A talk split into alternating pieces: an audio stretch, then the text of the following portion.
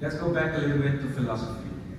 Um, this is ancient wisdom. It's not just from the Greeks. I think even in the Bhagavad Gita or anywhere in the world, people have asked themselves always, who am I? Right? Not only when they had stress, but I think as a perpetual question. Anyway, this is a quote that I got from, uh, from, uh, from Wikipedia, and it actually says, you know, to know yourself, uh, how to put it this way, um, all knowledge starts with self-knowledge. That would be maybe a more practical translation. But know thyself, people would say, back in those days. And if I go jumpstart to 2014, I would say our collective wisdom nowadays, with all the tools in our hand, is know thyself. Let me show you a video, maybe that's easier. Can I have more volume?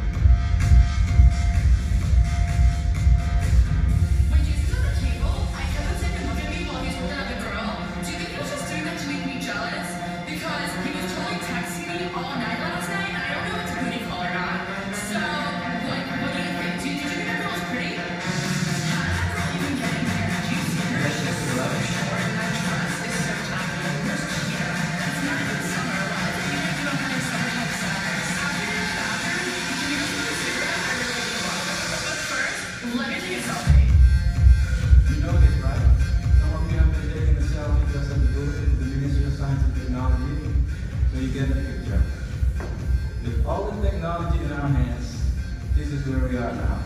So how the hell did we get here? Right? This is not just for the young generation, trust me. I've seen everybody taking selfies. First they talk about narcissism and so on, don't do that. Everybody's doing it. Anyway, how did we get here? I want to go a little bit back in time. I feel myself that I'm an in-between generation type of person. So I'm person that have lived in the analog world, but is pretty savvy when it comes to the digital world. So let's go a little bit back in time. I'll share a few of my personal experiences. And, and I think hopefully when we look back in time, we will have the opportunity, as they say, to gaze a little bit in the future. So in the 80s, I don't know if you can see it good on the screen, it's a little bit stretched. This was actually, let's say, a computer. In other words, it would be calculator.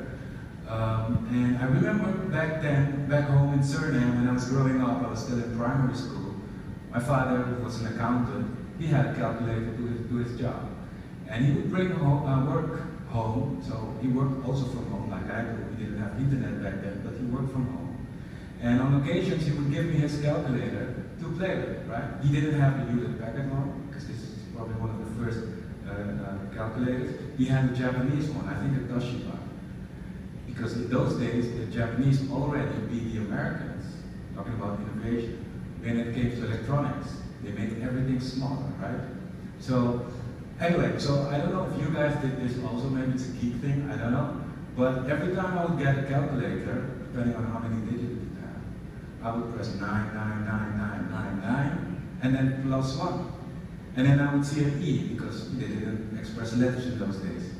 And E stands for error. So I already realized that even though I found it cool, it was not connected to anything, right? That's what we would say now. I found it very limited. But anyway, I think that was you know, the first experience, at least for me, and I'm sure for some of you guys here in the room, with something that is like a predecessor of a you know, home computer.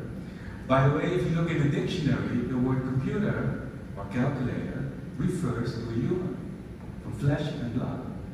Maybe you guys don't remember that, but that's not on Wikipedia, but at least in the old dictionaries you would see that.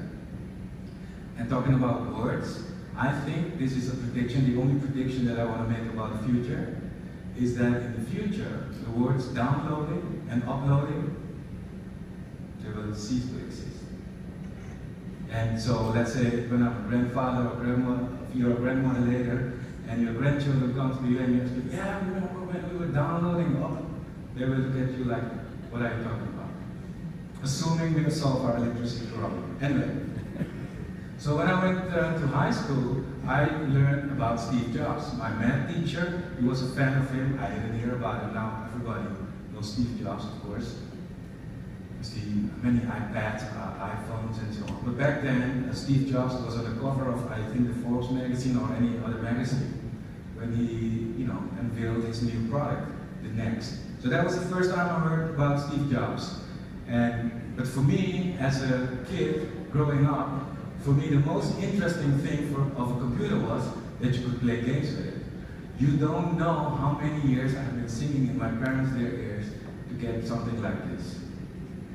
Anyway, maybe you had a Commodore, maybe you had something else, but for me, this was a beautiful uh, device. I remember in Suriname, I would stand in front of the Radio Shack. They had a Radio Shack in Suriname also, and I would see the device, and I was. But when we grew up, or when uh, you know older people had access to what they call the IBM. So IBM stands for International Business Machine. It's a coincidence, by the way. I didn't discuss this with the folks sponsor from uh, this event. But this was really a personal experience. This was the last year that I was in Suriname, just before going to the university in the Netherlands. And this was the IBM PS2, and we were not allowed to touch it.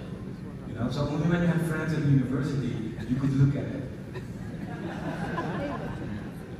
Anyway, so I moved to Holland, and this was in 1995, and Microsoft was dominating, right? Back then, I don't know if you guys remember, people were queuing for the, for the Windows 95 software. It's hard to imagine that nowadays. Nowadays you download the stuff. But back then, people, Microsoft was actually what Apple is nowadays. Actually, they saved Apple also from going down, but that's another story. This is a mobile phone, and back then, this was in the uh, 90s, beginning of 90s. It was only for executives, right? It was a car phone. It's a car phone, it's actually Nokia uh, as a brand. And, uh, but only some people had it, politicians had it, I'm sure, to make international deals. And by the way, the big black thing you see in the back, that's not a fridge, it's the battery. So, by the way, so when you complain that your smartphone battery is going down in one day, or less than one day, think about those days. Again, the reason why I show you these slides is not just, you know, this is not a history class of technology, but I think at least this is what it does to me, and hopefully it triggers your mind also to see how fast things are changing. Actually, they're not changing, they're accelerating, but that's physics classes, we'll do it another day. Like I said, um, in 1999, 1998, I started working after graduation, and my first job was then at Andersen. And it was branded as a paperless office.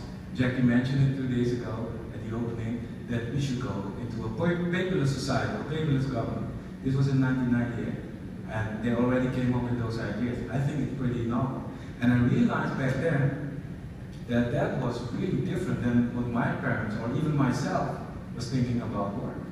Right? The idea was that people would use machines, computers, to communicate with each other. They didn't have the digital back then. They said electronically, like electronic music. So, of course, this was not really true because, no offense, but the older generation, they would print their emails and then act on it, or have the secretary print it for them and work with that document. And the younger generation, you know, or the new starters like myself, we're not allowed to print anything. So again, this is to show you how, you know, how, so sometimes we talk about innovation and we think something, innovation is something from now, but I think it shows already that humans always have been innovative. Maybe not everyone, but I think our inner drive is to, you know, to improve ourselves. What I also realized that in the bigger world, there was something going on. Like I said before, I worked at Oracle. This is a picture of uh, Larry Ellison this year. He stepped down as a CEO. He was one of the founders, which was then a startup in Silicon Valley. And he was a friend of Steve Jobs also. So if you read the bio of Steve Jobs, you learn that these guys were friends. And he had this marketing tagline that we were all infused by on a daily basis. This was in Dublin, by the way. So the internet changes everything. This is like a mantra, right? We even had T-shirts with it printed. So, but I think it's really right. Now we see it, right? I mean, I came from Curacao. Um, we did the booking. We didn't see any travel agent, like you know, probably you also came from the U.S. So you probably went online. You had somebody going online, do the booking online, do even the payment of the booking online, and do the check-in online, right? The same thing is happening with banks.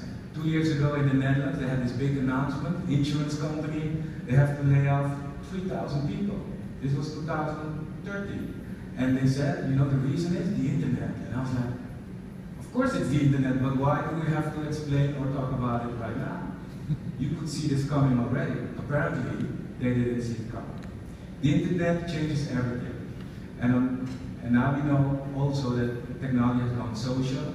Uh, a few years ago, I had a t-shirt like, technology is getting social, when I was doing some work at Suriname.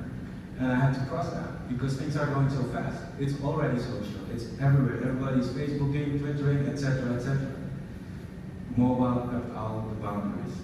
So, those are powerful influences, I think, in society. It's the me, me, me generation. It's the face of Mark Zuckerberg, the face of Facebook himself. You all know this. I just want to highlight it again. It's not just about the young generation, but they are going to be the leaders of our nations, right, in the future. You put all these things together, all these data, all these uh, tools that come together, you have the Internet of Things. Right? It's like Toy Story, creates big data. We talked about it yesterday. Finally, if this is an evolutionary rate,